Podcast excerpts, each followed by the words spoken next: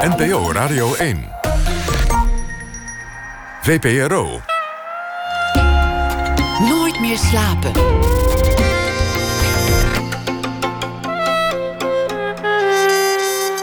Met Elvie Tromp. Welkom bij Nooit meer slapen. En het is een bijzondere aflevering. Nou ja, althans voor mij dan, want het is mijn aller, allerlaatste die ik hier voor jullie ga presenteren. En uh, nou ja, dat uh, is hier heel gezellig in de studio. We vieren het met roombonbons. En ik heb een fantastische gast bij me. Uh, maar eerst moet ik nog even vertellen, voordat ik haar introduceer, dat we na half twee luisteren naar deel 2 en 3 van de podcast Gerrit. Dat is in hoofdletters geschreven over het leven van de Utrechtse architect Gerrit Rietveld. Nederland is een openluchtmuseum voor zijn werk en we onderzoeken wat hem nou eigenlijk allemaal zo bijzonder maakt. We kennen natuurlijk die stoelen van hem, maar wie was die man nou eigenlijk? In komend uur zit tegenover mij tot een uur of half twee schrijver en actrice Tosca Nieterink. Ze is al jaren de wandelpartner van haar Annie, zegt ze zelf bescheiden. En u kunt haar kennen van haar reiscolumns in de NRC, haar wandelboeken, Klimmen naar Kruishoogte en het Penopauze Peloton en het in oktober verschenen nieuwe boek De Poncho Must Go On en andere afritsverhalen. En ook schreef ze vertederend en humoristisch over haar moeders Alzheimer in de bundel De Vergeetclub. En die heeft inmiddels een zevende herdruk gehad. Maar bij het grote publiek is Tosca Nieterink waarschijnlijk het bekendst van haar komische rol als Thea. Onderdeel van het komische kindertelevisieprogramma Theo en Thea, dat zij maakte met Arjen Ederveen. En de daarop volgende shows natuurlijk Creatief met Kurk en Borreltijd. Tosca, welkom. Ja, Hallo. En ik zie je natuurlijk al een beetje zuchten. En het is natuurlijk een beetje de eerste de vraag altijd. Ja. Um, ja, je bent een beetje een jeugdheld voor mij. Oh jee. Ja. Word je daar moe van om dat te horen? Um, nee, ik vind het eigenlijk vind ik het wel leuk. Mensen kunnen soms heel gemeend op me afkomen en zeggen van weet je. Dan denken ze ook dat ik het voor het eerst hoor. Weet je, uh, je bent echt mijn jeugdheld. Maar blijkbaar heeft het toch ook veel impact gehad op hun leven. Ja, absoluut. En uh, ja, dat, dat merk je eigenlijk pas na een jaar of dertig. Want het is nu dat mensen zo spontaan naar me toe komen om te vertellen dat ze dat daar als kind heel veel aan gehad hebben. Ik denk van, jeetje, nou dat had ik echt niet in de gaten. Nee. Wat had, als, uh, had, jij, had jij iets in je jeugd van theater of film of muziek dat zo'n invloed op jou had? Nee, volgens mij niet. Nee, ik, nee, nee, want ik vond die kinderprogramma's allemaal eigenlijk niks aan. Nee, de kerk misschien? Je bent misdienaar geweest. Hoe, hoe weet jij dat nou? Ja, ik bereid me goed voor oh, okay. natuurlijk. Ja, ik ben misdienaar geweest, ja. Uh, als, dat was, ik zat in Bloemendaal op school en dan uh, mochten ook meisjes voor het eerst mochten misdienaar zijn. Misdinette was je dan. Werd dat ook zo genoemd of dat heb jij bedacht? Nee, dat werd zo genoemd. Misdinette. Volgens mij dat wel. klinkt echt was, fantastisch. Ja, dat was volgens mij begin jaren zeventig. Als er nu nog zakenkaartjes werden geprint, dan zou ik dat erop laten zetten. Ja, hè? Misdinette. Geloof je eigenlijk nog in God? Ja, natuurlijk. ja. Ja? Ja. Echt waar? Ja, ja. De christelijke God? Nee, gewoon de God. De echte God, zeg maar. En hoe ziet hij er De voor jou? Nou, we gaan meteen in een EO-gesprek, maar hoe ziet hij er voor jou uit? Nou, ook met een baard. Oh, Toch wel een beetje minst. vaderlijk. Is hij wel wit en mannelijk? Ja, Toch ja, wel? ja, het is een traditionele God is het. Nee, maar ik bid ook. Nee, ik ben een streng religieus. Ja, voor mezelf, hè. Ik val er niemand mee lastig. Hoe, hoe uitzicht dat dan, dat uh, strenge In mijn gedachtenwereld. Eh, nou, nee, maar ik weet wel. eh, ja, dat is een beetje moeilijk om, om, te, om te vertellen allemaal. Maar ik. eh, ik, ik ben echt wel. Ik, ik, het, is, het is voor mij pure onzin dat de wereld bij toeval bestaan. eh, eh, eh, is ontstaan. Ik bedoel, voor mij zit er heel duidelijk een bedoeling achter. We streven allemaal naar het, ja, net als een, een plant naar het licht groeit, moeten mensen ook naar het licht groeien. En denk je dat je doorhebt wat jouw bedoeling is hier op aarde? Of is dat dan toch iets wat je pas later in het Nou, ook, ook wat iedereen moet doen. Ja, dus ook naar het licht groeien. En het licht is eh, bewustzijn. Licht is weten. bewustzijn van jezelf. Ja, Dat zijn mooie dingen. ik hoop het. Nou, dat klinkt toch als een, eh, als een milde god, niet een, eh, een straffende, oordelende god. Nee, maar dat, dat, is, het, dat is het natuurlijk ook niet. Nou, de god uit mijn jeugd was toch iemand die meekeek over mijn, eh, over mijn schouder. En vooral als ik moest poepen of als ik masturbeerde, schaamde ik me. Oké. Mijn, mijn god was een, een god van schaamte. Nee, mijn god, die heeft het mensen gewoon zo gemaakt. Dus waarom zou je je daarvoor schamen? Ja, Hè? Of anders had hij... Hij heeft ook je de. Nee, maar dit, kijk, dat, dat zijn natuurlijk dingen. Waarom stinkt stront? Ja, weet ik ook niet. Nee, maar het hoort bij het leven. het hoort bij het leven, ja. Ja. En het is iets om te lachen. Ja, Ja, en wat zeker. ook toch misschien iets is om. eh, eh, Even een loopje te maken, een loopje te maken. Nee, ja, laat nou, maar. wat terugkomt in, in, in je humor. Het wordt eh, oneerbiedig soms plas- en poephumor genoemd. Ja, Ehm, het is hele belangrijke humor. Waarom is dat belangrijke humor? Nou, omdat het een van je eerste contacten is met humor. Weet je, en eh, dat je daardoor de grappigheid van dingen ziet. Je weet, poep is vies. En als mensen een drol opeten. Toch zo'n Sammy en Moos mop. Dat er een stewardess laat een pot... Nee ik weet hem niet meer. Sam hier Dat is heel ouderwets, hè? Ouderwetse moppen tappen. Ja, ja. Was jij zo'n kind dat al altijd zo'n moppen paraat had ook? Ik had er altijd wel een paar. De beste. Ja. Nee, maar deze is helemaal geen goede mop. Ik kan hem niet eens meer terugvertellen. Dus nu, de, de moppen zijn voorbij. Nee, het is helemaal geen moppentijd meer. Ik hoor nooit meer moppen. Nee, we delen nu memes hè, op het internet. Ja, Ja.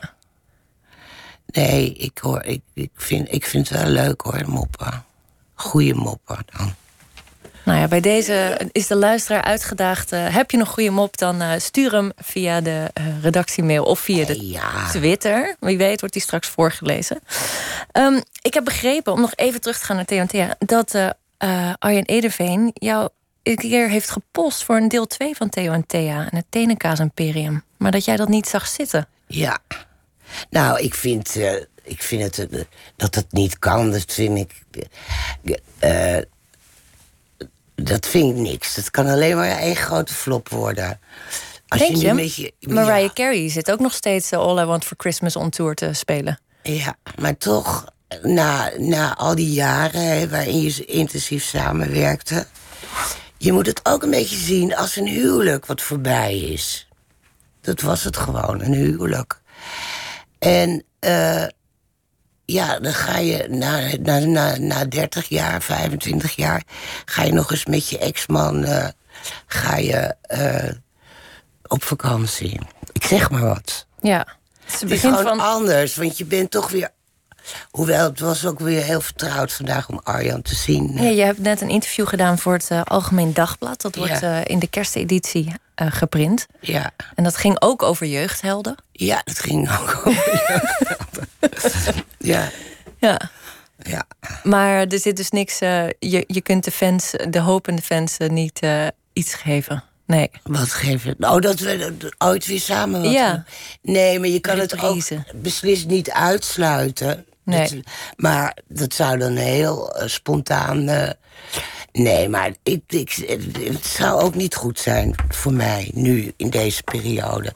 Ik moet echt even dingen voor mezelf doen.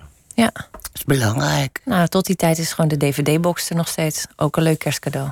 En ik ben heel oud geworden en lelijk en zo. Dus ik... eh, Nou, voor, de, voor, voor de popmuziek is dat moeilijk, maar voor de comedy werkt dat alleen maar beter, geloof Oh ik. ja? Ja, lijkt me wel.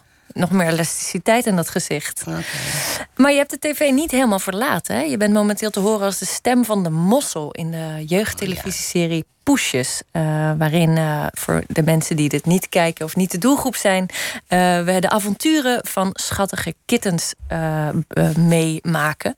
En daar ben jij de iets wat scabreuze, pratende mossel op een kussentje. Ja, de helderziende mossel. Oh, je bent ook helderziend. Ja. Ja. Nee, ze zit op tv. De, hè, er is een, een kat, een alcohol, een van die katten die drinkt nogal stevig. En die zit zich te vervelen en die doet dan de tv aan. En dan is er altijd mossel-tv. Dat is een beetje zo'n... eh, je hebt van die helderziende op tv, weet je wel? Nou, zo. Fantastisch. Maar dan als een mossel. eh, ja. Ja. Nou, ik begreep dat je helemaal niet De houdt leukste van... rol de- waar ik ooit voor gevraagd Is dat ben. zo? Nou, ik had wel meteen iets... Oh ja, dat moet ik doen. Dat is leuk. De helderziende mossel. Toch? Absoluut. Ja, En ehm, dat is een buitenkant. ja, we hadden het net over Molière. Daar was net een podcast over. Maar Ja. nee, ik denk dat de mossel, een helderziende mossel... is natuurlijk een, eh, een karakterrol. hey, en ehm, eh, ik heb begrepen dat je zelf eigenlijk helemaal niet houdt... van teksten uit je hoofd leren. Hoe doe je dat dan voor de helderziende mossel? Is dat dan ook iets wat tot je komt? Ik Of- las ze op van een papiertje. Oh ja, dat is soepel. Ja, voor Ja. het over hoef je natuurlijk niet uit je hoofd te leren. Ja, nee, dat hoef je niet uit je hoofd te leren. En heb je, ben je daar zelf nog, eh, heb jij iets te maken met het schrijfproces? Nee, nee, Of met het ideeproces? doet, eh, Omdat die kittenserie heeft wel een soort absurdisme die me doet denken aan Theo en Thea. ja, deed mij ook een beetje aan denken. En de voice-overs. Dus het is zeker wel. Misschien ook weer mensen die jullie als jeugdhelden ja, hadden. ja, dat is Die, ook die zo. nieuwe generatie televisiemakers zijn. zo. Zij is pas 30 of zo, geloof ik. Ze heeft het samen met haar zusje geschreven. Dat zegt ook wel wat, hè? Hoezo? Wat zegt dat? Nou ja, dat je dingen uit je jeugd. eh, iemand die je al heel lang kent, dus die alles van je weet. En. eh, ja, vaak moet je toch iets uit je jeugd nog even afmaken. Of. eh, zo, Ja. iets. ja. Jij had ook, jij deelde een absurdistische humor hè, met je broer en je zus. Ja, Ja. ja, het was altijd be- behoorlijk lollig bij ons thuis. Wat voor functie had die humor bij jullie thuis? Weet Het was een schreeuw om aandacht. Ik wou altijd heel graag dat eh, mijn broer om mij lachte. We was ouder. Dus dan voelde ik me... eh, het was een, een nicht. Hoeveel Is jaar zit er tussen jullie? Tweeënhalf jaar. En mijn zus is een jaar jonger. Dus dat was dan ineens het kleine meisje. Ja, dit is... ik probeerde hem altijd te overtroeven. En soms lukte het, meestal niet hoor. Hij is nog steeds eh, grappiger dan ik, vind ik. De psycholoog van de koude grond zou, eh, zou zeggen Thea en Thea. Ja, blijkbaar. Ja. En het, hoe, heb je dat inmiddels verwerkt? Of zeg je nee, dat blijft altijd een bron van inspiratie, die jeugd? Wat heb ik... Oh ja, nee, blijft altijd een bron van inspiratie. Daar ik Ja. altijd weer naartoe terug. Ja. Ja, En wat haal je daar dan uit? De absurditeit die me als... Dat eigenlijk ook dat ik als kind precies hetzelfde was als dat ik nu ben. Jullie hadden ook rare spelletjes. Ik heb iets gelezen over parelpoepen. Oh ja, toen waren we nog heel erg klein. Toen moesten we nog op de po. Ja, dan deden we alsof... Dat deed ik dan met mijn zusje. Dan mocht de ene, was de koningin, die mocht op de wc, op de troon. En de ander die zat op de po, ernaast. Dan was het toch een soort van... een soort SM was het al, denk ik. Ja, een soort speelse machtsstructuren. maar ja, dat, dat kun je ook de maatschappij noemen. Ik bedoel, eh, Maxima Ja. en eh, Willem... eh, Alexander doen niks anders natuurlijk. Ja, Ja. hopen dat ze een grote po heeft. Dat er hele mooie parels uitkomen natuurlijk. ja. Kijk je zelf eigenlijk nog televisie? Nee, eigenlijk niet. Nee. Het kan me niet echt boeien. Als ik iets per se wil zien, dan kijk ik het wel terug of zo. Ja. Dus het is niet dat je de jeugdtelevisie anno 2018 kritisch bekijkt en daar. Nou, jawel, want kijk, in Amsterdam hebben we wel tv, hè. Eh, eh, maar dat heb ik in, eh, in Ruigoord niet eens. En Ja, je woont op twee plekken. Daar heb je je atelierruimte in Ja. Daar wil ik het later nog over hebben. Maar jullie wonen in Amsterdam. Ja. Maar die tv, die, eh, die, die, die hebben we gewoon bewust daar niet staan.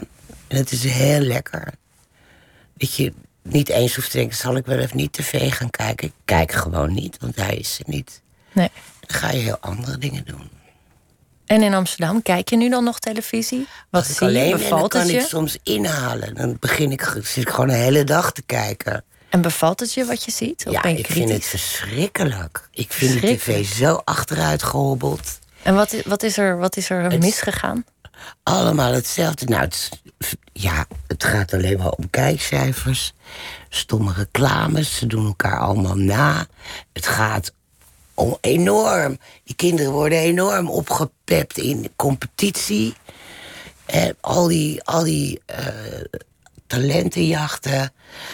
Maar gewoon kinderseries hebben vaak ook al dat thema. Ehm, ja, de beste willen zijn. Het competitieve. Ja, Ja, dat is wel een neoliberalistisch ideaal natuurlijk. wat zeg je? Nou, dat is een neoliberalistisch ideaal. Neoliberalisme. Het is misschien een beetje te moeilijk woord voor na twaalf. ja, ja.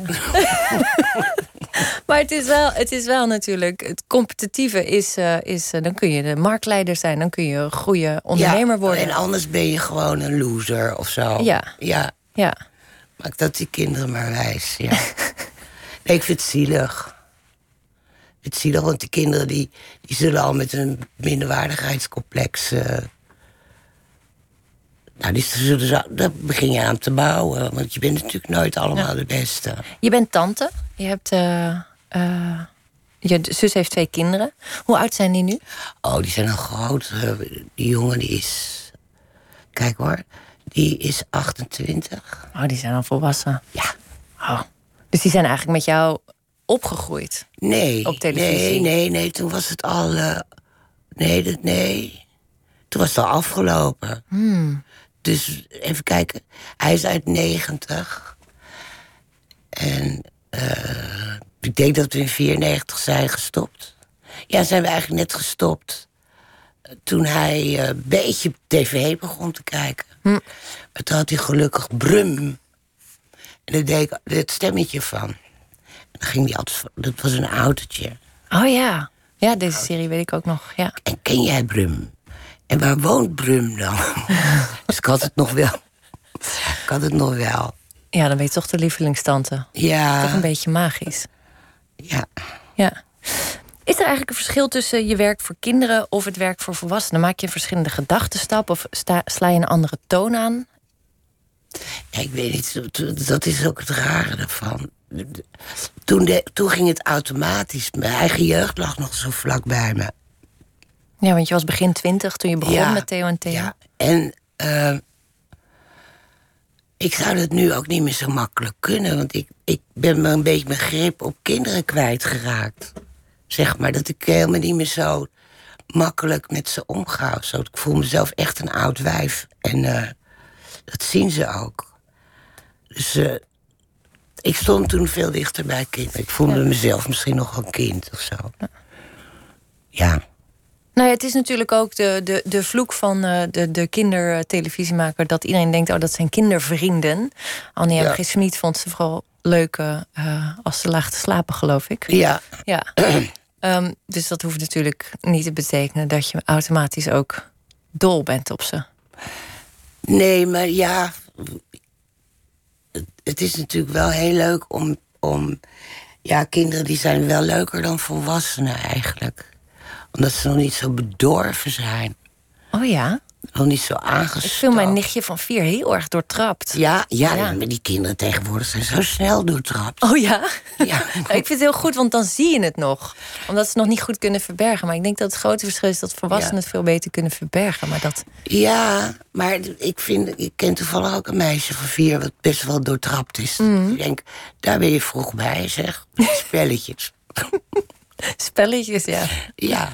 Ja. spelletjes en gewoon doen alsof. En eh, om de zin te krijgen. En, nou, dat speel je lekker. Waar moet dat naartoe? ja. Maar mijn oorspronkelijke vraag was: eh, maak jij een gedachtenstap of eh, voor als je iets voor kinderen maakt, of als je iets schrijft voor volwassenen? Omdat zeg maar een Ja, onnauwkeurige lezer zou zeggen: het is kinderlijk eenvoudig wat je schrijft. Het heeft een enorme toegankelijkheid. De grapjes zijn ook vaak. Ik denk, nou, deze had je ook in een, in een, In een kinder. in de kinderserie kunnen zetten. Ja. En dan was het ook grappig. Bijna een Ja, ah, ja. all ages funny. Ja. Nou ja, het is wel zo geweest. Hè. Toen Theo en Thea was afgelopen, toen hebben wij Petit Populair gedaan. Dat heb je denk ik niet gezien. Stond, was het begin van de parade. VPRO wou het niet uitzenden. Die wou het niet opnemen. Die vond het vrouw onvriendelijk. Maar wij deden, wij hebben het begin van pornofilms speelden we dan steeds. Samen. Ja, ja. Of Nee, daar hadden we filmpjes van gemaakt. Oh, En dan ook nog een pornofilm ertussen. Ook nog. Dus we, we gingen. Het was één grote. Het was een soft honden pornoshow. Hadden we. Het was heel leuk. Met. eh, ik weet niet. Mijn poedel. Ik had toen een poedel. Die had dan een, een roze sky pakje aan. En dan had ik een dildo. Zo, zo weet je. Zo'n beetje zo'n rubberen. Zo lekker zo. eh, en eh, die smeerde ik in met boter en dan ging die dan. Dit was een echte hond? Ja, Dit deed je op het podium? Ja, dat Ja. kan niet meer. dat kan niet meer. Dat kan niet meer. Dan heb je alle moraalridders en dierenactivisten op je, op je rug. Maar ehm, ehm, was, dit- was dit nog met eh, Arjen Ederveen? Ja, dat oh, dit hebben jullie nog samen gedaan. Ja. ja.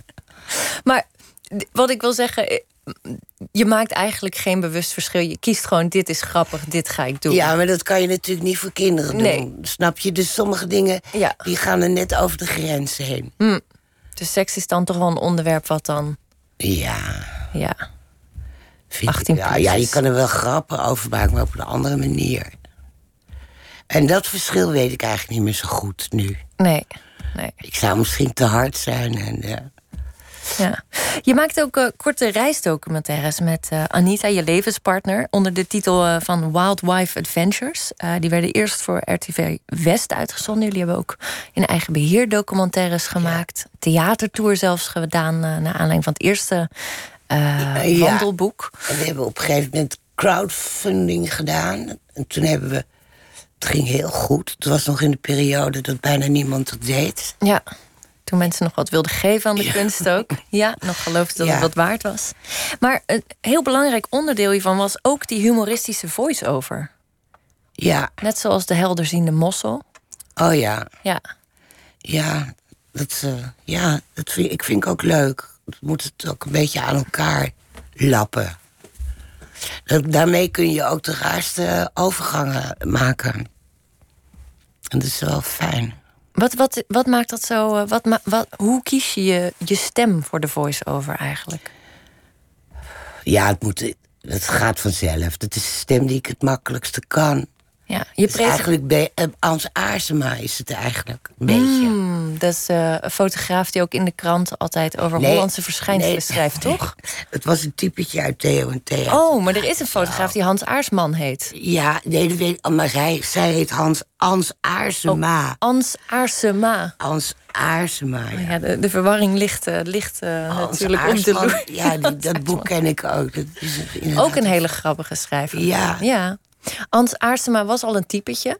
Ja, En dat heb je eigenlijk nu gebruikt en over Tosca Nietrink heen gelegd. Kan ik het zo zeggen? weet je wat het eigenlijk was? Het was, ik, ik deed op, toen ik nog op de school zat, op de- toen deed ik eh, Tosca van Hoog daarna. Want voor mensen die wel willen praten, maar niet kunnen. Weet je wel? Is dit een bestaand persoon? Wie is dit? Ja, ze was van de radio, donkerbruine jazz. Oh. Jazz. Ja, dit was dan voor mijn tijd. Nee, maar Ja, dat was. jazz. Die sprak. Ja, daar is het mee begonnen. En toen werd die Vond stem werd hard. om zo te praten. nou, En nu zit je ermee, 30 ja, jaar dan zit ik later. ermee. Dan schiet ik er ook altijd in als ik niet weet hoe ik het moet doen. Die mossel die praat ook zo. Ja, Ja, het is een stem die terugkomt. En ook iets waardoor je wordt herkend, denk ik. Het is. eh, ja, maar ja, ja, dat is een ding. Ja, Ja. Je, je zet jezelf neer als personage. Eh, Annie ook. Eh Anita in het echte leven. In je boek. Jullie zijn eigenlijk twee nou ja, grappige, grappige vrouwen. Die, die de wereld doorkruisen. En avonturen beleven. Hoe kies je wat waar is, wat echt is van jou?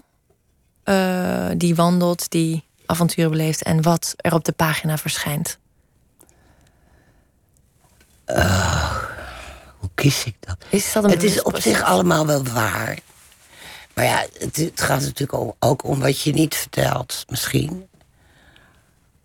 En eh, ja, weet je, veel van die stukjes zijn ontstaan omdat, ik er, omdat de column eh, geweest is. en eh, moest voor het NRC moest er eh, 400 woorden, dat is best weinig, om een week te beschrijven. Of om daar de hoogtepunten uit te halen. Zodat je dat niet echt in de gaten hebt. Dus, eh waar waren we nou? Ik ben Nou, het even kwijt. hoe- ik zie Annie daar staan. Dus Ze, ze, ze wappert je koelte toe en een, een dikke duim. Ehm, eh, ik vroeg, hoe kies je nou wat er wel en niet in komt? Wanneer maak je jezelf een personage en wanneer ben je jezelf op de pagina? En toen zei je, Nou, ik ben altijd waarheid. mezelf wel. Ja. Maar je kiest een beetje voor de rol. Ik ben een beetje de slome, dat is ook zo. Vergeleken bij Annie. Die is veel meer out- outgoing en makkelijk. Met mensen. En ik eh, hobbel er maar een beetje achteraan. Zoiets. We hebben ook wel, als, we, als ik ergens moet komen... hebben we al een paar keer gehad dat wij binnenkomen... En dat ze tegen Annie zeggen: Jij bent zeker Thea. Die slome, dat zal een vriendin zijn. Weet je? Ja, je, je moet er wel om lachen. ja, ik vind het wel grappig. Ja. Dus er bestaat wel een verschil tussen het personage en Ja, ja, de werkelijke persoon. ja. Ja. Ja, natuurlijk. Ik kom nou een benzinepomp, daar kom ik al jaren. Om ook om sigaretten te kopen en zo. Die zijn er nou net achter dat ik Thea ben. ik ga nou heel hard Thea gaan ze door de benzinepompen heen gooien. Go- Nee, maar ik heb gezegd dat ze dat niet meer mogen doen. Dan doen ze het ook niet meer. Maar dan verander je ineens heel erg hè, voor die mensen. Dan, misschien valt dan het kwartje van de denken. Ze hebben misschien altijd al gedacht: wat een raar mens is dat. Maar of wat, is het nou voor iemand? Of zo, denk ik. Ja. Ja, je wordt als je bekende Nederlander bent, heeft iemand ooit een vergelijking gemaakt, dan word je van mens word je ineens een zebra. Dat Ja. Iedereen die een zebra ziet lopen zegt: hé, hey, kijk, een wild dier. Hé, Ja. kijk nou. Ja, ja, Zo, precies. Een mens, dat is gewoon een mens. Maar dan wil iedereen het ook benoemen meteen. Ja. Ja, wonderlijk is Ze dat. gaan ook anders doen. Ja. Ze hebben iets van: wauw, ik praat met een zebra. Hoe is het nou om een zebra te zijn? Dat vraagt dan iedereen. Ja, ja, ik heb me er ook net schuldig aan gemaakt. Laten we teruggaan naar het wandelen. Ehm, ik wil jou na het nieuws, na het nieuws ook nog even een eh, verhaal laten voorlezen. Ehm, maar het boek gaat kriskras de wereld eh, over. Langs de Ganges, de Santiago-route, eh, Patagonië, Brazilië. Ja. Hoe, hoe kies je reizen? Nou, het is inderdaad waar dat Annie dat vaak kiest. En dan denk ik, wat een goed idee. Maar ik had ook... Ik heb mijn... Dus ik had ook wel iets... Nou moet ik een beetje voor mezelf opkomen. Want ik wilde heel graag nog een keer met de auto door Afrika. Dat gaan we nu in januari doen. Dwars door haar heen, want zij wilde naar Peru. Ik denk dat zijn daar veel te veel aardbevingen. Heel slim, stay safe. Dat is het eerste les. Ja, hè? Ja. Ja. En eh, eh, Afrika is geen aardbevingsland. Kijk. En bij die cliffhanger gaan wij er heel even uit voor het nieuws. En gaan wij zo door en praten we verder met Tosca Nieterink.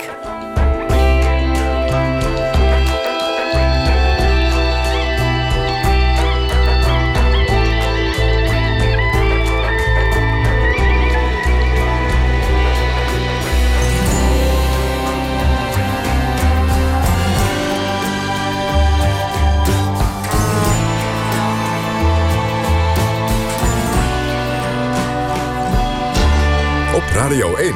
Het nieuws van alle kanten.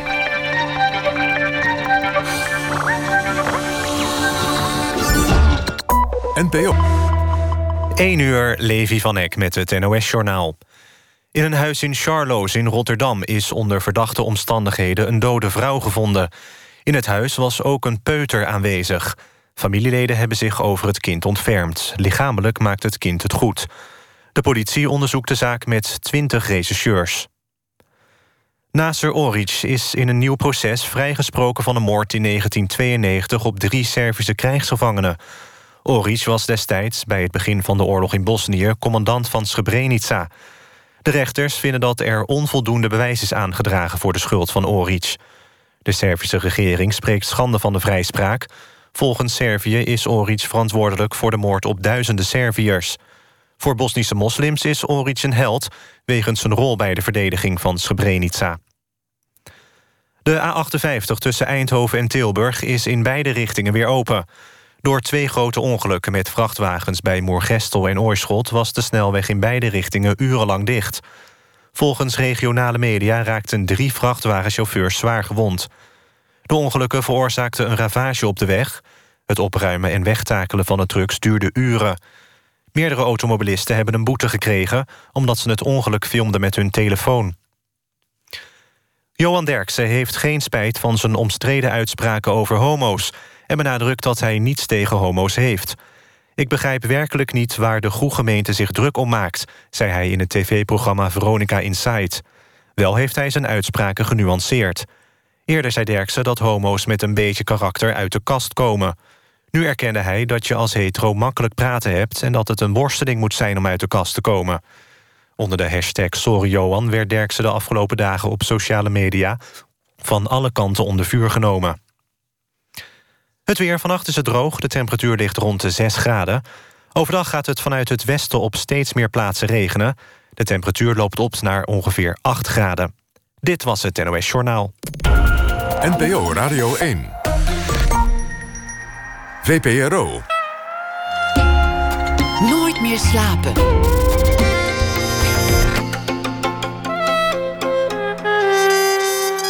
met Elvie Tromp. Welkom terug bij Nooit meer slapen. Tegenover mij zit nog steeds actrice en schrijver Tosca Nieterink. En ze schreef uh, onlangs het nieuwe boek met reisverhalen... The Poncho Must Go On. En voor het nieuws hebben we het onder meer gehad over nou ja, haar uh, televisieperiode... In het duo Theo en Thea. Ehm, haar uh, bijbaan als uh, misdienaarette in de kerk. Ja. En haar geloof in God. We gingen oh, meteen diep. Daarop. Ja, we gingen meteen diep. En natuurlijk het wandelen wat uh, in je leven kwam. samen met je levenspartner Annie. En samen doen jullie, doen jullie verslag van ja, wandeltochten kriskras over de planeet. Um, en je zei net dat, dat jij dan een beetje de zullige bent en Annie uh, eigenlijk het voortouw daarin neemt. Ja. Ja. Ja, dat kan je wel stellen. Ja.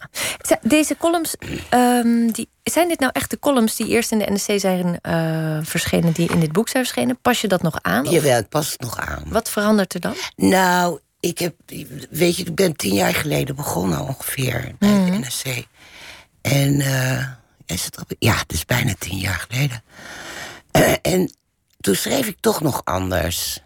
Dus ik ik zou het nu anders zeggen of zo. Oh ja, wat is er veranderd? Zou je het zelf kunnen omschrijven, je schrijfstijl? Nou, ik, ik gebruik niet meer zoveel bij, bijvoeglijk naamwoorden. Want ik zit ik altijd te tellen of zo. moet, ik, moet, ben behoorlijk aan het opschonen. Ik heb begrepen dat je dol bent op kritiek ook. Hoezo? Nou, dat heb ik begrepen. Dat jij dat heerlijk vindt, dat je feedback krijgt. Oh ja. Op je werk. Ja. Nou, maar ze moeten niet al te veel kritiek geven. Want dan raak ik ook weer in de war. Maar Annie is ook je trouwe meelezer, hè? Er gaat niks de deur uit. Ja, ja en ik kan haar ook best wel vertrouwen. Nee, dat moet zijn. En ik maak behoorlijk veel spelfouten. Ik heb toch iets van een hele lichte vorm van uh, dyslexie. Mhm. Of ik heb gewoon heel slecht Nederlands gehad op de lagere school. Dat kan ook. Mijn zus zegt dat het het laatste is. Want zij heeft ook een cursus moeten doen, Nederlands. Toen ze. Uh, ik voor de, voor de, als journalist ging werken. Ja, goed. Gelukkig zijn nu alle spelfouten eruit gehaald. Ja. Um, maar je stijl is veranderd, zeg je. Het is. Het is, ja, het is, dus simpeler? simpeler. Nou, sekker. Sekker, droger. Het is wat sekker. Het is. Weet je, uh, je moet ook wat aan de fantasie overlaten. Iets minder bloemrijk. Kun je een stukje voorlezen om te laten zien hoe dat is, uh, wat aan de fantasie overlaten? Dat heb ik waarschijnlijk nou een stuk genomen met heel veel bijvoeglijk Met metaforen. Oké, nou, het verhaal heet Nep-avonturiers. Ik kan het net lezen. In welk land uh, speelt het zich af? Het speelt zich af in India. Oké. Wij zijn nep-avonturiers, bromde Annie toen we in Varanasi op de trein naar Patna stapten. We waren eigenlijk van plan om de gangers af te gaan roeien, maar dat lukte niet. We hadden ook met de boot gekund. Annie had een boot gecharterd. Uh, een hele dure boot, dat wel. Er moest een duur betaalde twaalfkoppige bemanning... met iemand om de motor te bedienen... iemand om te sturen, iemand om in het water te springen... als er wat bleef hangen aan de propeller. En uh, dat kan makkelijk, wacht ervoor. Ik vertelde al eerder dat er van alles in de gang, gangers drijft. Uh, het slapen snap niet helemaal. Dat hoeft toch niet, probeerde Annie nog af te dingen. Als er een dode hond aan de propeller blijft hangen, springt Tosca er toch gewoon in. Zij is goed in knopen ontwarren. Je moet er. En je, er gaat, maar er gaat ook een kok mee. Want er zitten dagen. Want we zitten dagen in de middle of nowhere. We koken zelf wel, opperde ik. Want wij zijn een beetje uitgekeken op het Indiase eten. De daal komt me de kont uit. Met de chapati erachteraan. We rukken wel een blik ravioli over, open. Niet dat dat helpt, want ravioli smaakt hier ook naar daal. Alles smaakt naar daal, zelfs de Nescafé. Ik lust geen ravioli, riep de kapitein. Dus er moet in elk geval een kok mee om voor mij te koken. En omdat de kok het druk heeft met drie keer per dag voor mij koken, moet er ook iemand mee om voor de kok te koken. En natuurlijk moet er ook iemand koken voor degene die kookt voor de kok. Enfin, we kwamen er niet meer uit. Veel verborgen werkloosheid in India. Die duikt op de raarste plekken op. Je moet goed kijken, maar dan zie je het overal. Zo staat er bijvoorbeeld hier op dit station een koffieautomaat. Niks gek zou je zeggen. Uh, en leverde vooruitgang. Maar in die koffieautomaat zit een deurtje. Want in de koffieautomaat woont een mannetje. Het mannetje van de koffieautomaat. En dat pak je geld aan en dat doet je muntje voor jou in de gleuf. Meestal slaapt het mannetje. En zijn vrouw ook. Zij zit buiten het hokje op de grond te slapen met haar hoofd tegen haar tas. Als je koffie wil, moet je eerst haar wakker maken.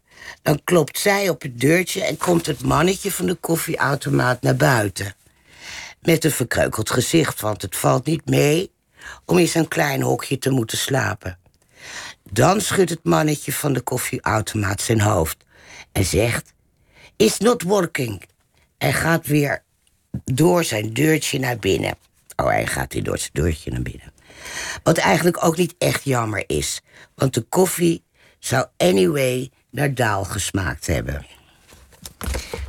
Ik weet dat je bij literatuur nooit mag vragen: is dit echt gebeurd? Maar bij uh, een wandelboek mag ik het wel vragen, vind ik.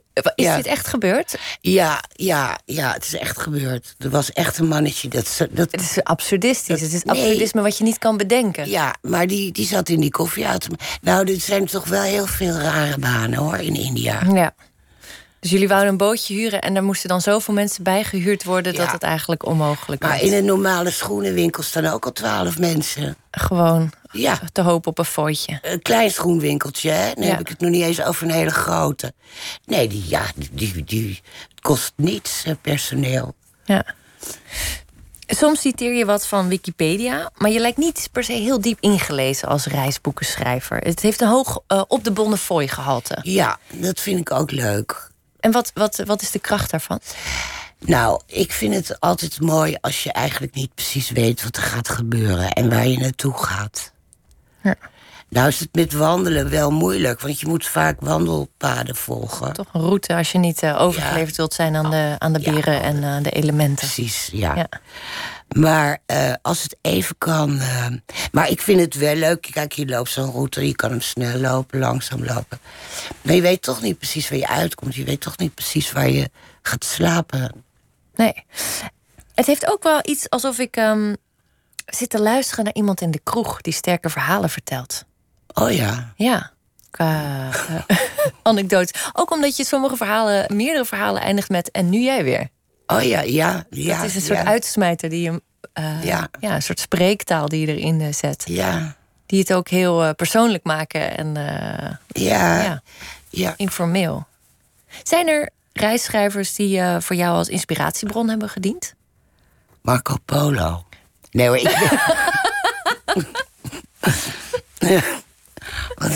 ja, ja, dat snap ik wel. Ja. Nee, ik ken niet eens echt. Nou, nee, ik, ik, ik ben er niet zo van op de hoogte. Ik lees eigenlijk nooit reisboeken. Lees je wel of ben je sowieso meer schrijver dan een lezer? Nou, ik, le- ik kan ach- soms achter elkaar lezen en eh, dan vind ik het heel leuk. Ja, Ik krijg ook best wel veel boeken. Van mijn uitgever natuurlijk. ja als huiswerk. Nou, weet ik eigenlijk niet waarom ik ze krijg. Maar ik vind altijd...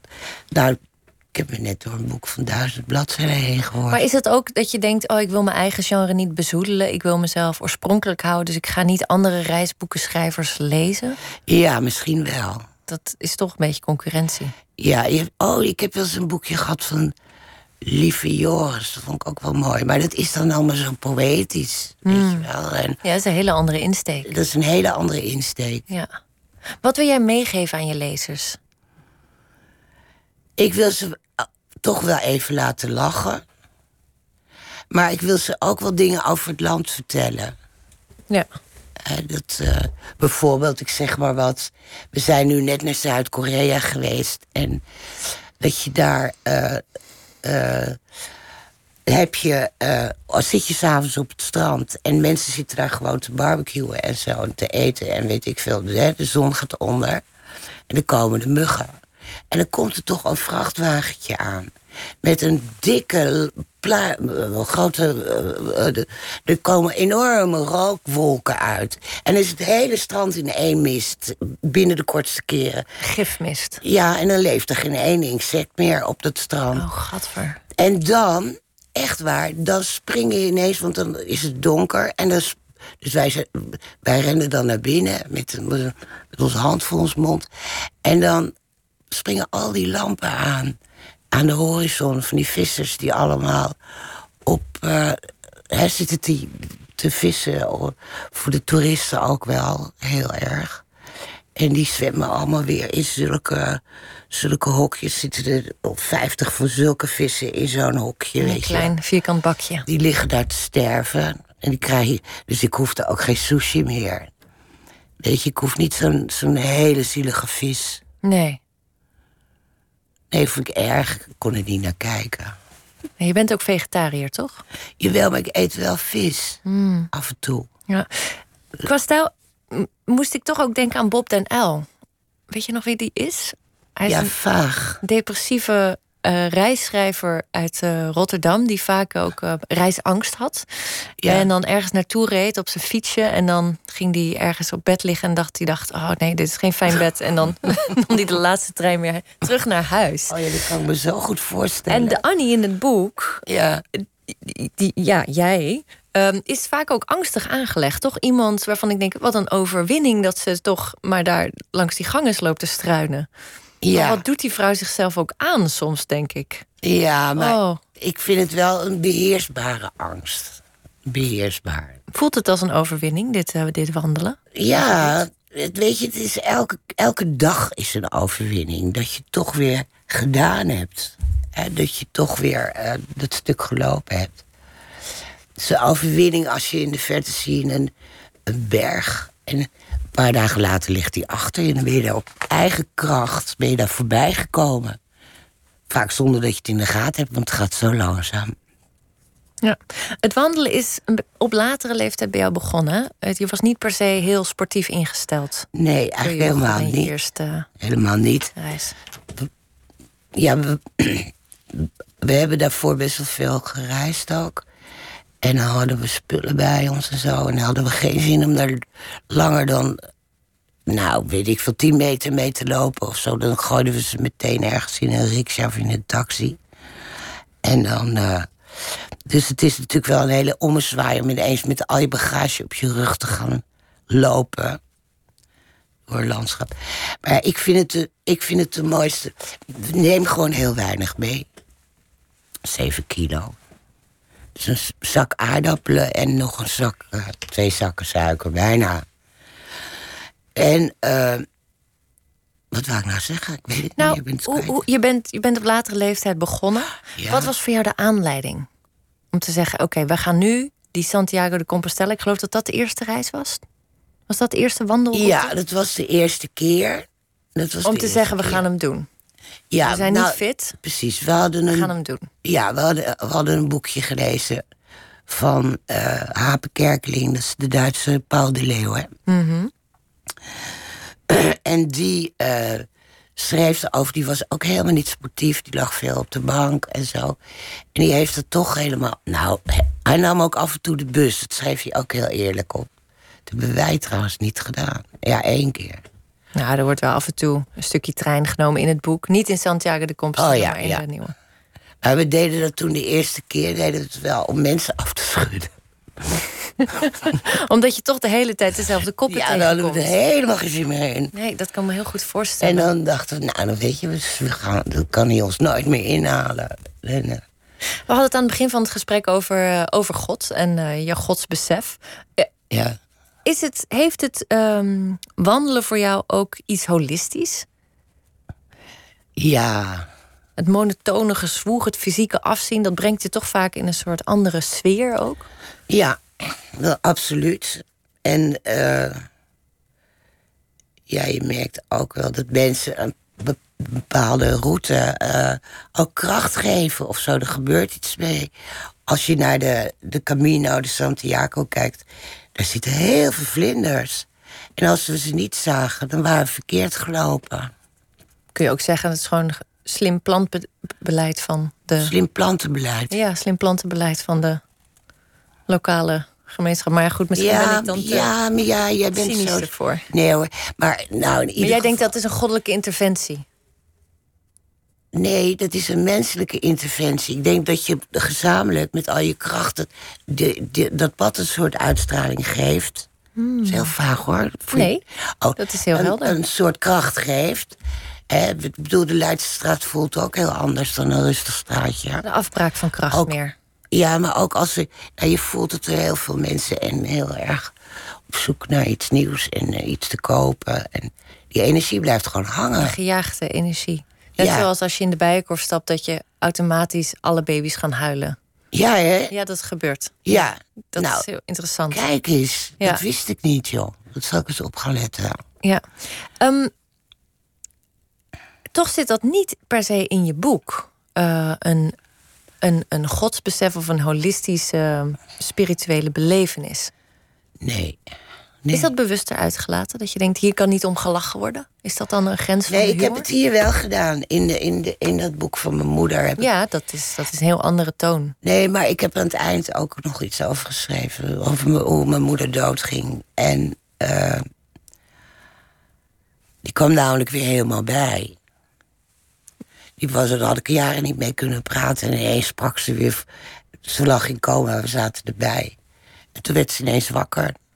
En toen was ze helemaal klaar, helder. En eh, vertelde ze, ja, ik ben hierboven geweest. Ik ben daarboven geweest. Nou, het was heel het was echt Annie en ik hadden allerlei kippenvel. Maar, eh, dus ik heb daarin... Ja, ik vind het altijd heel moeilijk. Ik vind, ik, ik, ik vind ook dat je dat mensen niet eh, op moet dringen of zo. Dan wordt het ook allemaal heel zweverig. En weet je, spiritueel bewustzijn, dat kan je niet leren. Dat, of dat kan je niet lezen in een boek of van iemand anders horen. Dat is iets wat je gewoon zelf moet ervaren. En dan weet je het gewoon. Zo is het. Maar dan, Dus dan je- zeg je in feite dat de Bijbel ook een zinloos boek is. Of de Koran, want dat is een spiritueel geschrift. Ja, maar kijk, dus, er staan natuurlijk wel een soort van verhalen in... waardoor het mensen duidelijk wordt wat goed en slecht is. Of wat, hè, dat, het, dat het belangrijk is. eh. ja, ik vind het Oude Testament, daar heb ik niet zoveel mee. Ik vind het Nieuwe Testament heel mooi. Ja, nou krijg ik het over me heen. Hoe bedoel je? Nee hoor, nou ja, mensen die zijn tegenwoordig zo eh, echt worden bijna agressief als je het over de Bijbel hebt of zo. Nou, ik ben wel benieuwd hoe je het verenigt met ehm, eh, jouw eh, eh, leven als lesbienne. Bijvoorbeeld, dat is toch iets wat de kerk oh, over het algemeen. Ja, maar dat is de kerk. Dat heeft niks met de Bijbel te maken. De kerk is met de Bijbel op de loop gegaan. Hmm. Ja, die, die kerk, dat is natuurlijk belachelijk. Die, die, die, en vooral die Roomse kerk. Dat de paus zichzelf plaatsvervanger van God noemt. Ja. Hoe durft hij? Het duurde wel best lang voordat je toegaf hè, dat je lesbisch was. We hadden het net over je moeder. Ik was 23, ja, dat is best wel oud. En je moeder zei het is een fase. Ja, maar weet je, mijn broer was ook al homo. Dus ik dacht, ik vond het zo lullig voor mijn moeder. Als er dan nog een kind uh, kwam, ze had er met drie. En ik dacht eigenlijk dat mijn zus ook een pot was. Ik dacht, nou, maar dat is helemaal niet zo. Zij wou altijd een jongen zijn. Maar ja, dat is dus ook niet. En ik deed haar een beetje na. Mm Maar uh, zij is totaal niet lesbisch. Echt helemaal niet. Nee. Maar je wist van jezelf al zeker, dit is geen fase. Dit, dit is nee, ik was toen, eh, eh, toen ik er zeg maar voor uitkwam, toen was ik ontzettend verliefd. Mm en weet je, toen had ik net mijn e-, eerste relatie. En toen kon het me eigenlijk helemaal geen reet meer schelen. Van de ene dag op de ander. Nee. Nou ja, we hadden het net even over Johan Derksen. Die zei, uh, homo's moeten maar meer lef hebben om uit de kast te komen. Uh, dat was deze week de ophef in het nieuws. Johan Derksen is een voetbalcommentator. Um, en ik voel me af dat jij daar moeite mee hebt gehad. Nee, je zei nee. Ja, ja. Toch wel? Nou, maar toen, oh, toen, maar toen ik... Ik heb daar ontzettend tegen aangegeven. Nou, no way dat ik daar op de middelbare school iets van zou laten merken. Het was het ook nog best wel een taboe. Er waren natuurlijk ook helemaal geen rolmodellen. Mijn homoseksuele oom van dezelfde leeftijd, die zei... Uh, wij hadden alleen uh, Gerard Reven en Albert Mol die openlijk homo waren. En die waren allebei verschrikkelijk ordinair. Ik wilde er echt niet bij horen. Hoe, hoe, hoe was dat voor, om lesbisch te zijn? Nou, je had helemaal niks. Nee, niemand. Hoe heet ze? Die Pia Beck? De pianist, toch? Wie is dat? Pia Beck? Ik weet het niet. Ja, dat was een pianist. Jazzpianiste, ja. toch? Ja. Ze improviseerde altijd. Ik dacht, nee, ik vond het verschrikkelijk. En ik had ook een tante die pijp rookte. En die, die was ook lesbisch. En het wou, ik ook niet dat het... Uh, dat, het dat ik dat... Nou, dat had ik in ieder geval... Uh, nee, dat had ik helemaal niet. Je maakt veel grappen over uh, jullie lesbisch zijn in het boek ook. Uh, over het wel of niet vertellen aan uh, mensen dat jullie een uh, lesbisch koppel zijn. Als er weer eens een opdringerige man op jullie afstapt. Oh ja, maar dat is in het buitenland sowieso. de meeste landen moet je dat gewoon niet doen. Nee, nee mensen echt aanstoot aan. Dus ik, ik ben echt niet iemand die kost wat kost dat gaat uiten in het openbaar. Zie je jezelf ook niet als een, als een boegbeeld? Een beetje wel een beetje wel. Dat, maar tuurlijk wel. Ik voel me ook best wel verantwoordelijk. Maar die tijd is ook een beetje geweest weer, weet je wel. Is dat zo? Nou... Homo-emancipatie staat toch enorm onder druk? Bijvoorbeeld ook in Amsterdam. Homo-geweld neemt toe. Ja, maar het, het, het, dat wel. Maar er zijn, voor de vrouwen is, is wel een soort emancipatie aan de hand. Er zijn veel meer potten dan toen ik uh, jong was, bijvoorbeeld. Ja dus het waren al die. Ja, dus er zijn dus heel veel vrouwen die er niet voor uitkomen. En uh, dat zijn er nu echt ruim twee keer zoveel. Ik weet niet waar ze allemaal vandaan komen. Maar dat is natuurlijk wel. Uit die kast van Johan Derksen natuurlijk. ja, dat is duidelijk. Um, heb jij je ooit ingezet voor de homo-emancipatie? Sta je ook op, bij de Gay Pride eh, trots op een oh, boot? Of is dat niks oh, voor jou? Is dat meer Gay toch? Pride verschrikkelijk met de ABN AMRO boot. En dan weet ik veel wat voor boten ze allemaal hebben. En dan, nee, ik vind het, en het is elk jaar hetzelfde. Het is elk jaar hetzelfde, ik vind er niks meer aan. Ik vond het in het begin leuk toen iedereen mocht meevaren. Mm Maar ik vind er nu niks meer aan. Dus ik ga niet meer, ik vind het veel te druk. Ja. Duidelijk. Ja. Ja.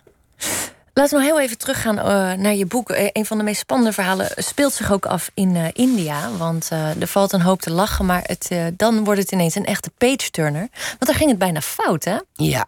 Wat gebeurde er in India? Nou, we waren dus die gangers hadden we gedaan. Ik, ik had nog niet alles geschreven, al mijn stukjes ingeleverd. Dus wij gingen naar, hoe heet het? Hoe heet het daar nou? Het strand. Waar iedereen. Goa. Mm. We gingen naar Goa. Aan het strand zitten, dus Zuid-India. Want we hadden zo kut weer gehad ook en zo. En toen, toen belde het NRC van Trouble in Paradise. Nou, om een lang verhaal kort te maken. Uh, we stonden op de radar. We werden gezocht. Want ik had Moody beledigd. De president van het land. Je had gezegd dat hij een soort servet op zijn hoofd had. Ja. Had je geschreven? Hij had, ja. Hij had. Uh, wij hadden in de, in de hotelkamer krijg je vaak in een pauze zo'n zwaan van je handdoek. Dus ik had gezegd dat hij zo'n zwaan, eh, zo'n origami hier, zwaan op zijn hoofd had. En uh, nog dingen over dat ik had gezegd dat iedereen in India platvoeten heeft.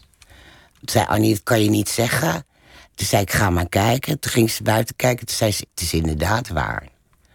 Dus het, uh, maar ook over de gangers, hè, die wordt enorm vervuild. En daar is ook geld voor gekomen en het is verdwenen. En weet je... Uh, corruptie. Corruptie. Nou, dat, en maar ik dacht, dat leest toch niemand in India? Dat is natuurlijk ook wel een beetje naïef. Mm. Want de Nederlandse ambassade, of de Indiase ambassade in Nederland, die had het gelezen. Ja, natuurlijk. En die uh, waren razend. Die gingen bij dingen aan de telefoon. En, er was een arrestatiebevel uitgevoerd. Voor ja, we zouden opgepakt worden bij de grens. Dus uh, ja, want we hebben toen. De, Jij doet een plezierreisje. Buitenlandse of, of het, in ieder geval, hoe heet het ook alweer? Het, uh, hè, hoe heet het nou? Waar buitenlandse zaken zit. Uh, waar je, de ambassade. ja, de ambassade. Hebben we, daar hebben we mee gesproken. En uh, die zeiden totaal. Ja, dat het minste wat we konden verwachten was dat we het vliegtuig misten. Maar nou ja, we waren natuurlijk in paniek. Ja, want je wil niet in India in de cel terechtkomen. Nee, dus ik had iets. Oh, we moeten een boot nemen naar Sri Lanka. Of weet je wel, ik kwam elke keer weer met andere plannen. Maar dat werd dan. Uh, nou, om een lang verhaal kort te maken. Ik, uh, ik had op een gegeven moment een keelontsteking van het slikken. Ik zat de hele tijd maar. Van de zenuwen. Van de zenuwen, ja. Echt puur van de zenuwen. Een heel raar gevoel als je op zo'n plek bent die soort paradijselijk aandoet, in het begin zeker.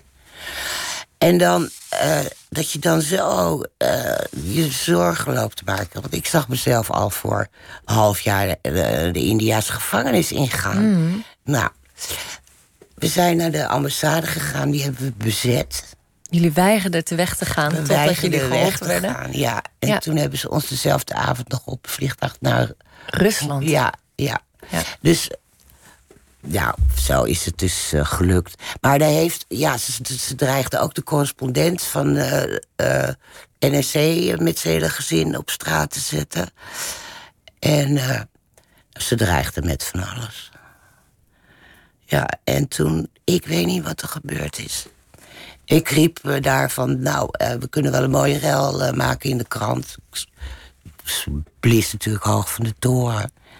Want dat, dat de ambassade niet eens zijn eigen landgenoot helpt. Schrijf je nu anders als je in landen op bezoek bent? Of heb je ervan geleerd dat je later... wat voorzichtiger, ja. Of dat je pas later publiceert als je weer terug bent? Maar ja. Ja, ik ben wel wat voorzichtiger, ja. ja. Ik kan me ook wel voorstellen. Ja. Um, jullie maken ook een theatertour hè, momenteel over deze verhalen. Ja, nou, dat is. Uh, in, in, in maart gaan we weer een toertje doen. Ja, en die kunnen we vinden op je website, de, ja. de tournee. Ja. Oké, okay, Tosca, mag ik je bedanken voor dit gesprek zo later in de Graag gedaan. En, uh, ik vond het een eer dat ik in je laatste uitzending mocht zitten. Succes met je boek. En wij gaan door met muziek en dat is van Evelien Storm. En zij trok de stoute schoenen aan en mailde de redactie met de vraag... hey, ik denk dat ik heel goed in jullie programma pas. En wij waren het daarmee eens. En nu horen we dan ook het nummer van haar debuutalbum Little Lights.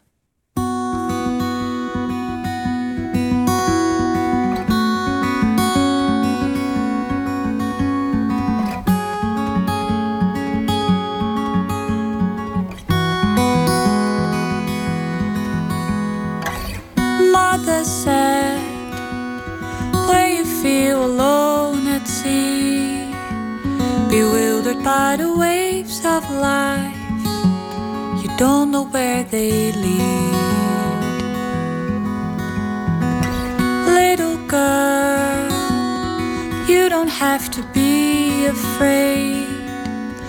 Look up to the stars above, then everything's okay. Follow all the lights, those tiny little lights. Follow all the lights, they'll lead you on, guide you on where you go. I know they will guide you.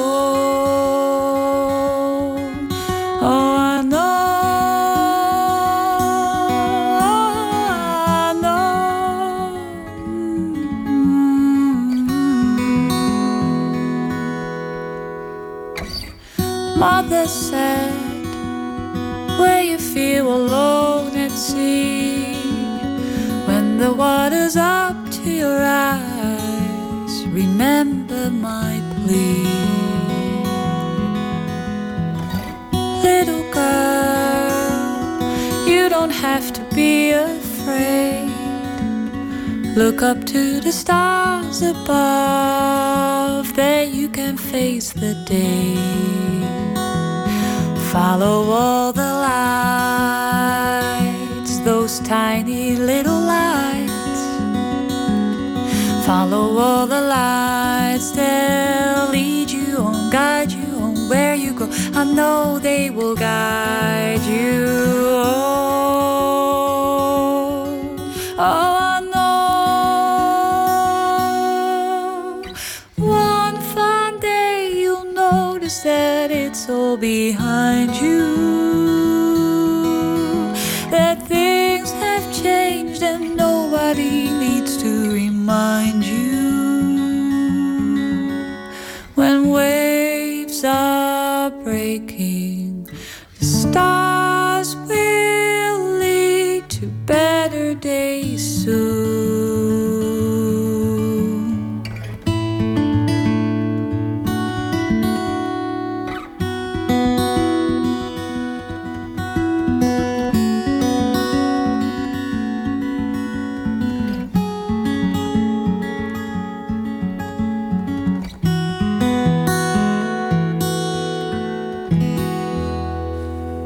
dat was Little Lights van Evelien Storm.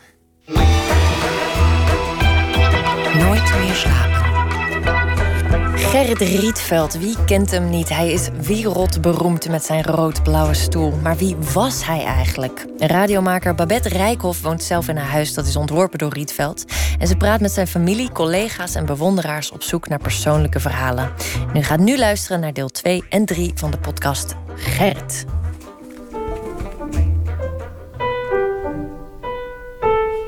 Je luistert naar Gerrit, een serie met verhalen over het leven van Rietveld. Nederland is een openluchtmuseum voor zijn werk. Van bushokje tot zomerhuis en van villa tot muziekschool. Het Rietveld Schreuderhuis in Utrecht staat net als de Big Ben en de Eiffeltoren op de UNESCO Werelderfgoedlijst. En zijn bekende stoel is te zien in musea over heel de wereld. In deze serie onderzoek ik wie hij was, wat hem tot een geweldig architect maakt en wat hij heeft achtergelaten. En dat doe ik samen met zijn biograaf Ida van Zijl. Ja, ik zou niet eens weten of je de rood-blauwe stoel nou zo eh, mooi kunt noemen. En oud-collega Bertus Mulder. Rietveld lunchte met een glas water en een krentenbol. Aflevering 2. De Pragmaticus. Alles stond alsof het bewoond was. Dus in de keuken daar stond eh, een glas met een tandenborstel en eh, een tube met tandpasta. Het was net of- alsof hij gisteravond daar vertrokken was. Dit is Bertus Mulder, 89 jaar. In de jaren 60 werkte hij voor Rietveld. Bertus woonde in die tijd samen met zijn vrouw en kind op een flatje. Maar met een tweede kind in aantocht werd de woning te klein. Dus Bertus fietste door de stad om te kijken of er een bovenverdieping leeg stond. En toen herinnerde ik me plotseling dat Rietveld in 1958, toen zijn vrouw stierf, bij Truus Schreuder ingetrokken was. Dus ik vroeg hem, hoe zit het eigenlijk met die flat boven de bioscoop? En toen zei hij, je erin? En toen gaf hij me de sleutels. En toen gingen we s'avonds kijken. Het huis waar Bertus het over heeft, ligt aan het Vredeburg. Een plein vlakbij Utrecht Centraal.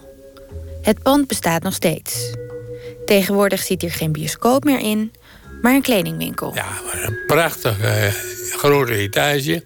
Alleen die was compleet ingericht met zijn uh, beroemde meubels... die je nu in de, in de grote musea uh, ziet. Kasten en stoelen en... Waar achterop stonden plakketjes van het museum op Modernaat... en het museum in, in Sydney, Stedelijk Museum. Ik zei dus toen, de, toen de, de dag erop...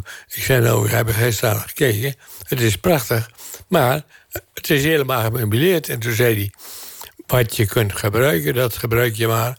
En de rest donder je maar weg. En meubels waren niet het enige wat nog in het appartement was achtergebleven. Oh ja, er was een hele kast met kleren van Rietveld. Pakken. Hij had altijd een beetje vlotterige kleren. En uh, op een gegeven moment hadden wij een timmerman over de vloer... want we moesten een paar dingen laten veranderen. En uh, toen vroeg ik aan die timmerman of hij die kleren wilde hebben. En die, uh, die vond dat prima, dus die heeft die kleren meegenomen. En, en nog geen dag later stond er iets van op de stoep... om wat van die kleren op te halen. Dus die heb ik toen weer bij die timmerman weggehaald... en uh, weer aan hem gegeven. De meubels die Bertus niet kon gebruiken... heeft hij niet weggedonderd, zoals Rietveld hem adviseerde. Ik heb een lijst gemaakt en aan die kinderen gestuurd. En die uh, hebben dingen aangekruist. En uh, bijvoorbeeld Beb, de oudste dochter, die heeft de Berlijnse stoel aangekruist. Waar haar moeder altijd in gezeten had. En die heeft ze een, een, een jaar later voor 198.000 gulden verkocht aan het Museum van in, uh, in Sydney. Nou ja, er waren, er waren dus hele kostbare dingen. Bertus heeft drie jaar voor Rietveld gewerkt. In die tijd gingen ze regelmatig samen op pad. Hij had een Anglia, auto met, met ronde vormen. Past ook helemaal niet bij me. was een beige auto. Ja, hij was eigenlijk helemaal niet zo'n goede chauffeur. Een beetje spontaan en naïef. We moesten op een gegeven moment naar die school in Batuverdorp... Om, om naar de bouw te gaan kijken. En toen, toen was hij verder gereden. En uh, nou, toen draaide hij gewoon op de, op de tweebaansweg. Levensgevaarlijk. Ik zat op een gegeven moment naast hem in de auto. En toen zag ik dat de binnenkant van de deur, die was eraf. En uh, toen zei ik, wat is er met die deur gebeurd? En dan zei hij, ja, mevrouw Schreuder, die zat daarin. En die, uh, die is altijd bang wanneer ze naast me zit. Dus die had dan zo aan, die, een, een onderdeel van die dubbelkleding getrokken. Die, die was er helemaal af. ja. En hij kreeg nog wel eens een botsing. En dan ging hij altijd maar vooruit dat het zijn schuld was. En dan vulde hij het formulier en dan was hij ermee klaar. Rietveld was een nuchter type. Het viel Bertus op dat hij er een sobere, bijna Spartaanse levensstijl op nahield. Rietveld lunchte met een glas water en een krentenbol. Kijk, ik zat heel vaak in het, in het werkkamertje van hem... aan de overkant van de tafel. Op zijn, in zijn kantoortje stond achter hem op een plank... er stond een flesje never. En toen zei ik, die flesje staat er volgens mij al... Ja, die staat er al jaren, zei hij. Kijk, uh, op een gegeven moment kwam er een aannemer... en die gaf me zo'n flesje never. Maar wat moet ik daarmee? Hij dronk niet, hij rookte niet. Dat deed hij helemaal niet. Die foto in de Adriaanstaat rookte hij zogenaamde sigaret. Maar hij rookte niet. Dat was alleen om... Uh, ja, voor het, voor het plaatje.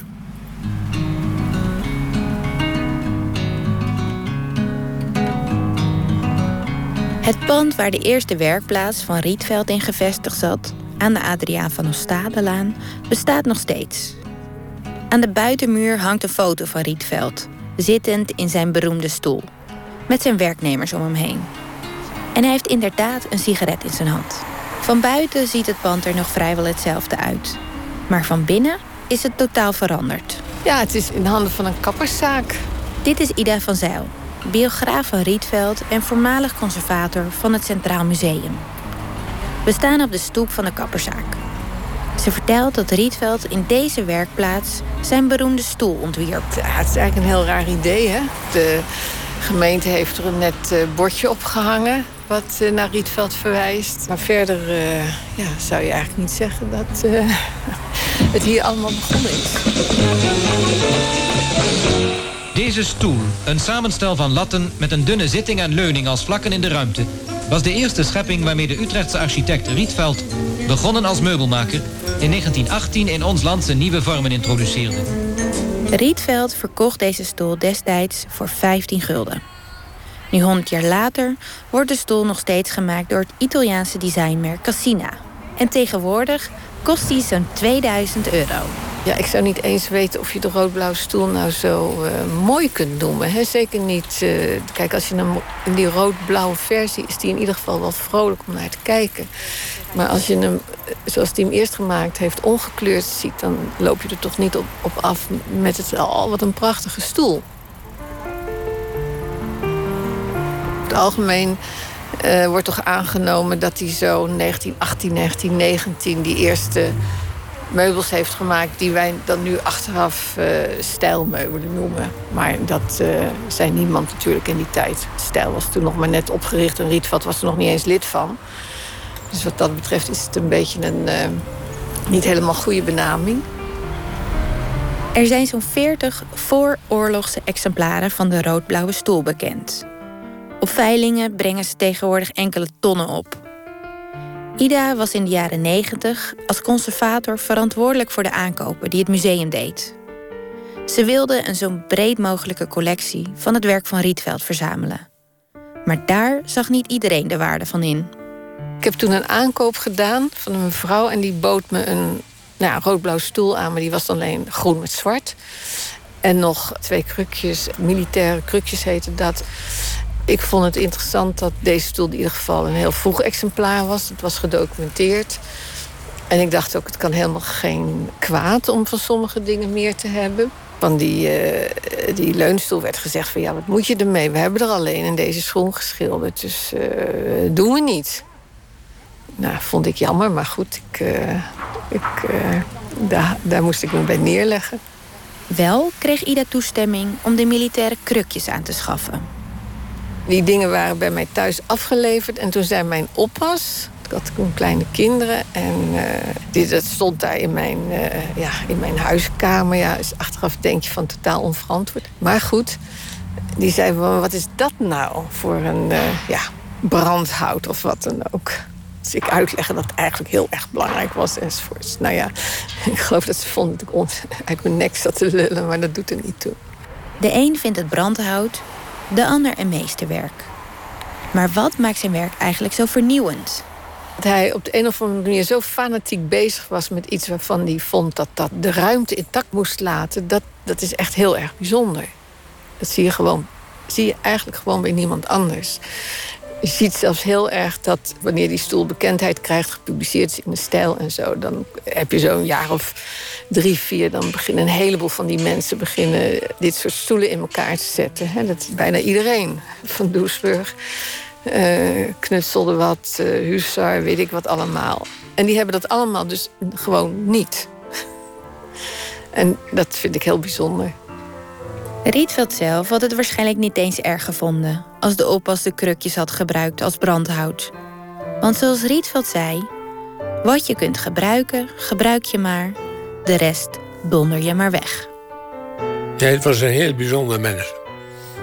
Het was een genie, maar dan uh, in de vermomming van een uh, uitermate eenvoudig mens.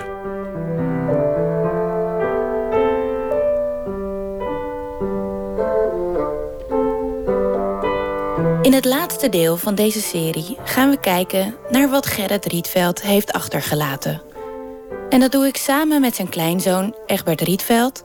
Ja, dan zat ik te tekenen en dan had ik die liniaal in mijn handen. En dan uh, kwam er achteraan zo van, we gaan weer het Rietveld uithangen. Dichter en bewonderaar Ingmar Heidse. Dat Rietveld Schreuderhuis vind ik ook een soort liefdesbrief, maar dan, dan driedimensionaal.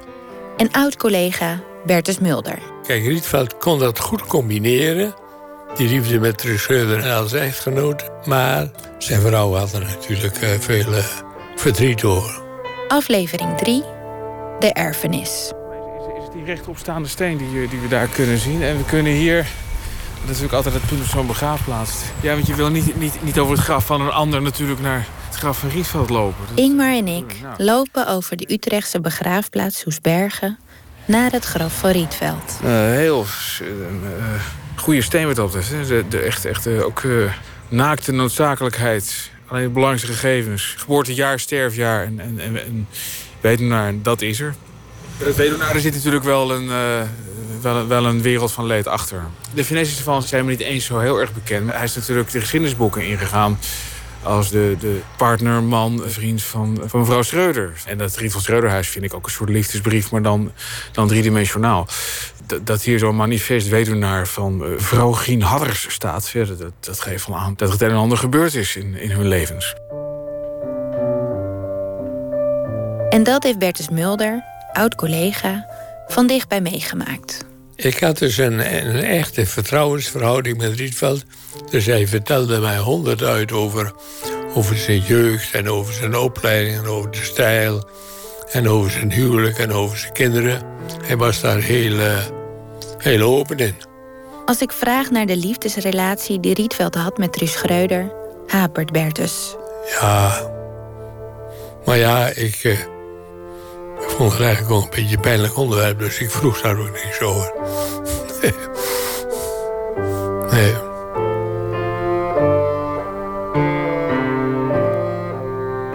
Hij is dus vrij vroeg getrouwd. In 1911, toen was hij dus uh, 23, 24 jaar. Hij is getrouwd met vrouw Gien Helders, een vijf jaar oudere vrouw. En in het begin was dat echt een, uh, een huwelijk. En er kwamen ook heel snel kinderen. En, uh, en Rietveld was toen ook een echte vader. Maar de relatie met Truus die werd steeds hechter. En hij, hij was er ook veel vaker... Kijk, Truus Schreuder heeft altijd gezegd... jouw eerste plaats is bij jouw gezin. Dus hij heeft zijn vrouw ook nooit verlaten. Hij kwam ook s'avonds gewoon naar het werk thuis. Dus op een gegeven moment dachten ze daar ook... dat die verhouding met Truus Schreuder dat die, uh, ja, voorbij was. Dus uh, ja, kijk, Rietveld kon dat, kon dat goed combineren. Die liefde met Truus Schreuder en... Uh, en als echtgenoot. Maar zijn vrouw had er natuurlijk uh, veel uh, verdriet door. Ook de kinderen hadden het moeilijk met de liefdesrelatie. Toen Rietveld overleed, is hij in Beeldhoven begraven. Truus kreeg het graf naast hem. En jaarlijks werden hun graven door honderden mensen bezocht. Het deed de dochters pijn dat hij niet naast hun moeder was begraven in Hilversum. Ze wilden daarom dat vader werd herbegraven, maar Rietvelds zonen waren bang dat het een rel zou worden. Toch heeft Rietveld 30 jaar na zijn dood een nieuwe rustplaats gekregen. Niet naast zijn vrouw, dat graf was inmiddels al geruimd, maar op Soesbergen. Rietvelds dochter Elisabeth zei tijdens de herbegraving: Vadertje, de tijd is gekomen voor je terugkeer naar Utrecht.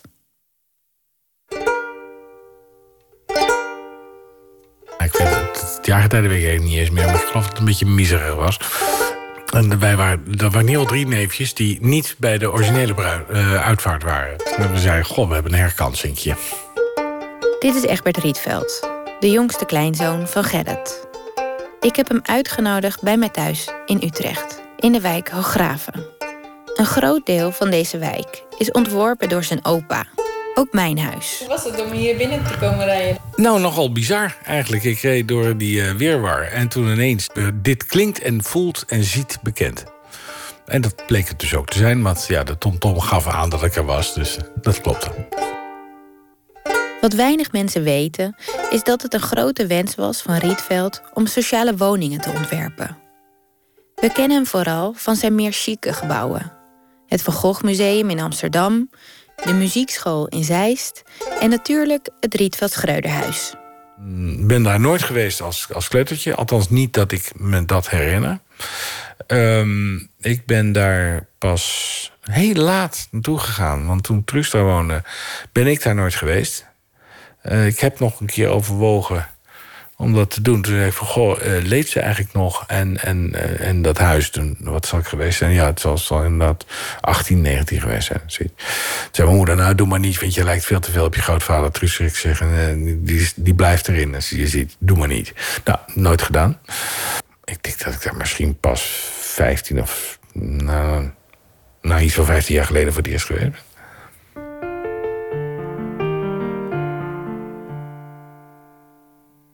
Ik ben daar nog wel een keer apart naartoe gegaan. Dat was met mijn zus. Um, dan, toen zijn we met z'n tweeën naar binnen gegaan. En dat, dat was dan weer handig om de naam te hebben. Uh, want toen had ik bedacht om die militaire tafel te gaan maken. Toen dacht ik, oeh, die staat daar. Hij wilde die tafel zo graag bekijken... omdat hij zelf een meubelbedrijf heeft. Genaamd Rietveld bij Rietveld. Meubels ontworpen door zijn opa, opnieuw uitgebracht. En uh, toen zei ze, wie bent u daar? Ik zei, ik ben Egbert Rietveld, bla bla bla.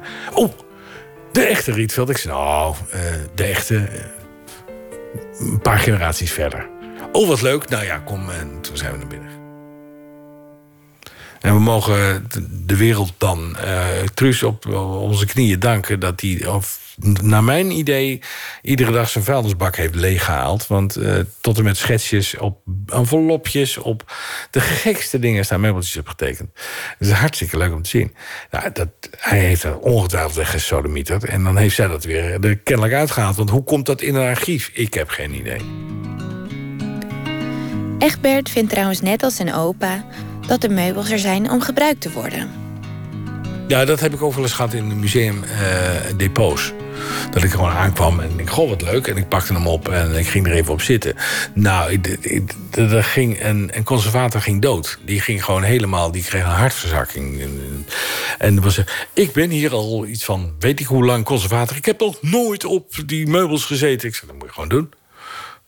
Want ja, ik heb ook een zichtzaag, maar er zit een zaagsnee in. Want ja, het is een handige zaagbankje. Totdat je het iets te ver zaagt. Ja, dat zijn heel handig. En mijn militaire stoelen ook. Die zijn zodanig gemaakt dat ze niet doorbuigen. Dus ik gebruik ze als trapje. Mooi bodder. Gebruiken die dingen. Kom op nou. Egbert is niet altijd blij geweest met zijn achternaam. En dat begon eigenlijk al op de kleuterschool. Ja, dan zat ik te tekenen en dan had ik die liniaal in mijn handen. En dan uh, kwam er achteraan zo van, we gaan weer het Rietveld uithangen. En als je dan aan het kleuren was met blauw en dan op een gegeven moment pakte ik oranje... Nou, ook nog de verkeerde kleur. Dan denk ik, hoezo verkeerd? Um, en later is het uh, heel vaak, oh, ben jij familie van? En als het dan ja was, uh, dan, dan viel je in een hokje. En daar had ik een bloedhekel aan, dus uh, dat ontweek ik meestal. Egbert was 3,5 toen zijn opa overleed. Dus veel heeft hij niet van hem meegemaakt. Hij herinnert zijn 75ste verjaardag nog, het geluid van zijn laatste auto. Uh, wat ik dan ook nog weet is dat hij warme handen had zonder eelt. En dat uh, had mijn vader ook niet. En uh, ik heb het zelf ook eigenlijk. Dus dat, dat herkende ik. En zijn vrij hoge stem. En dat is me bijgebleven. En dan vraag je je altijd af later... is dat je eigen herinnering of is dat uh, ingeprent of wat dan ook.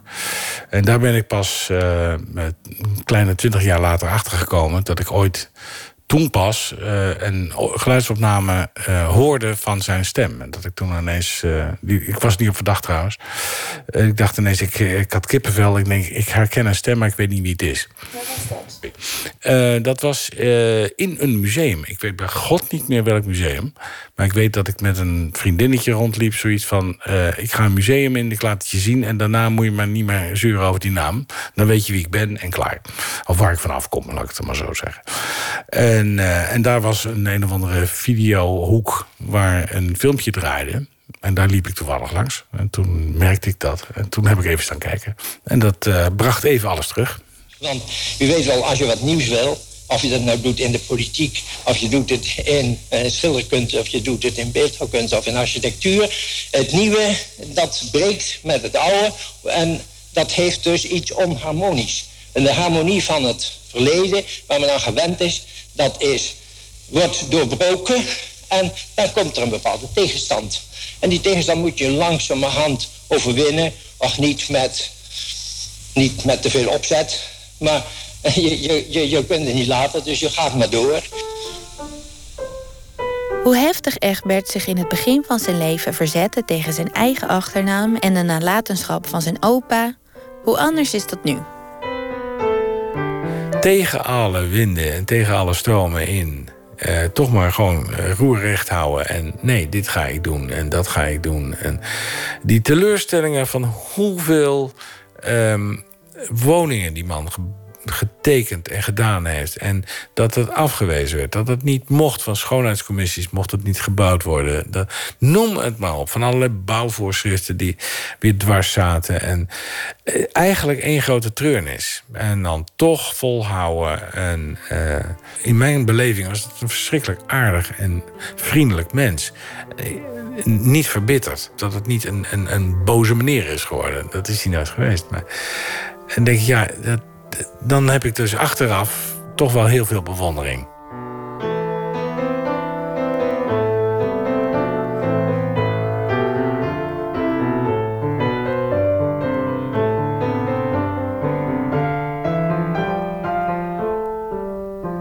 Gerrit is een initiatief van De Stijl in de Stad.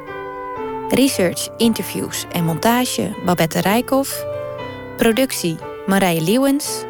Techniek Arno Peters en met veel dank aan het Centraal Museum in Utrecht. Wil je de locaties uit de podcast bezoeken? Kijk dan op destijlindestad.nl slash Gerrit en download de kaart.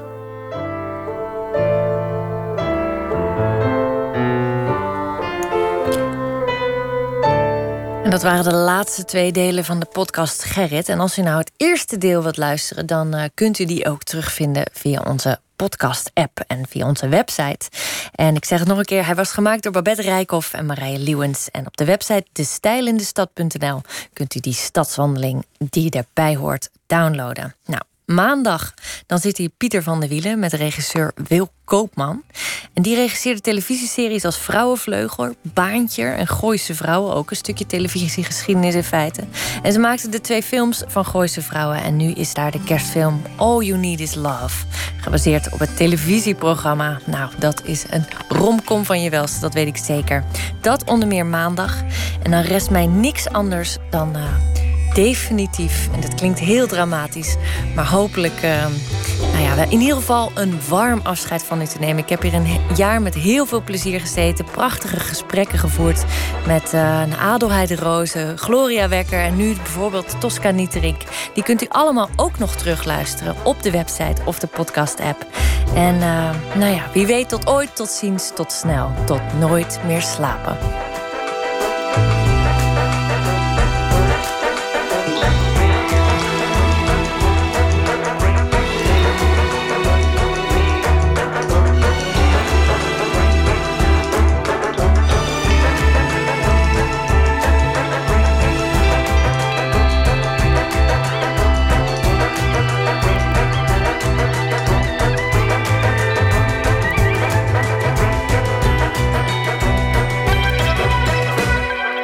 Radio 1.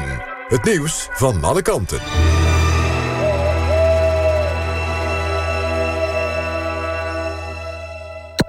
NPO Radio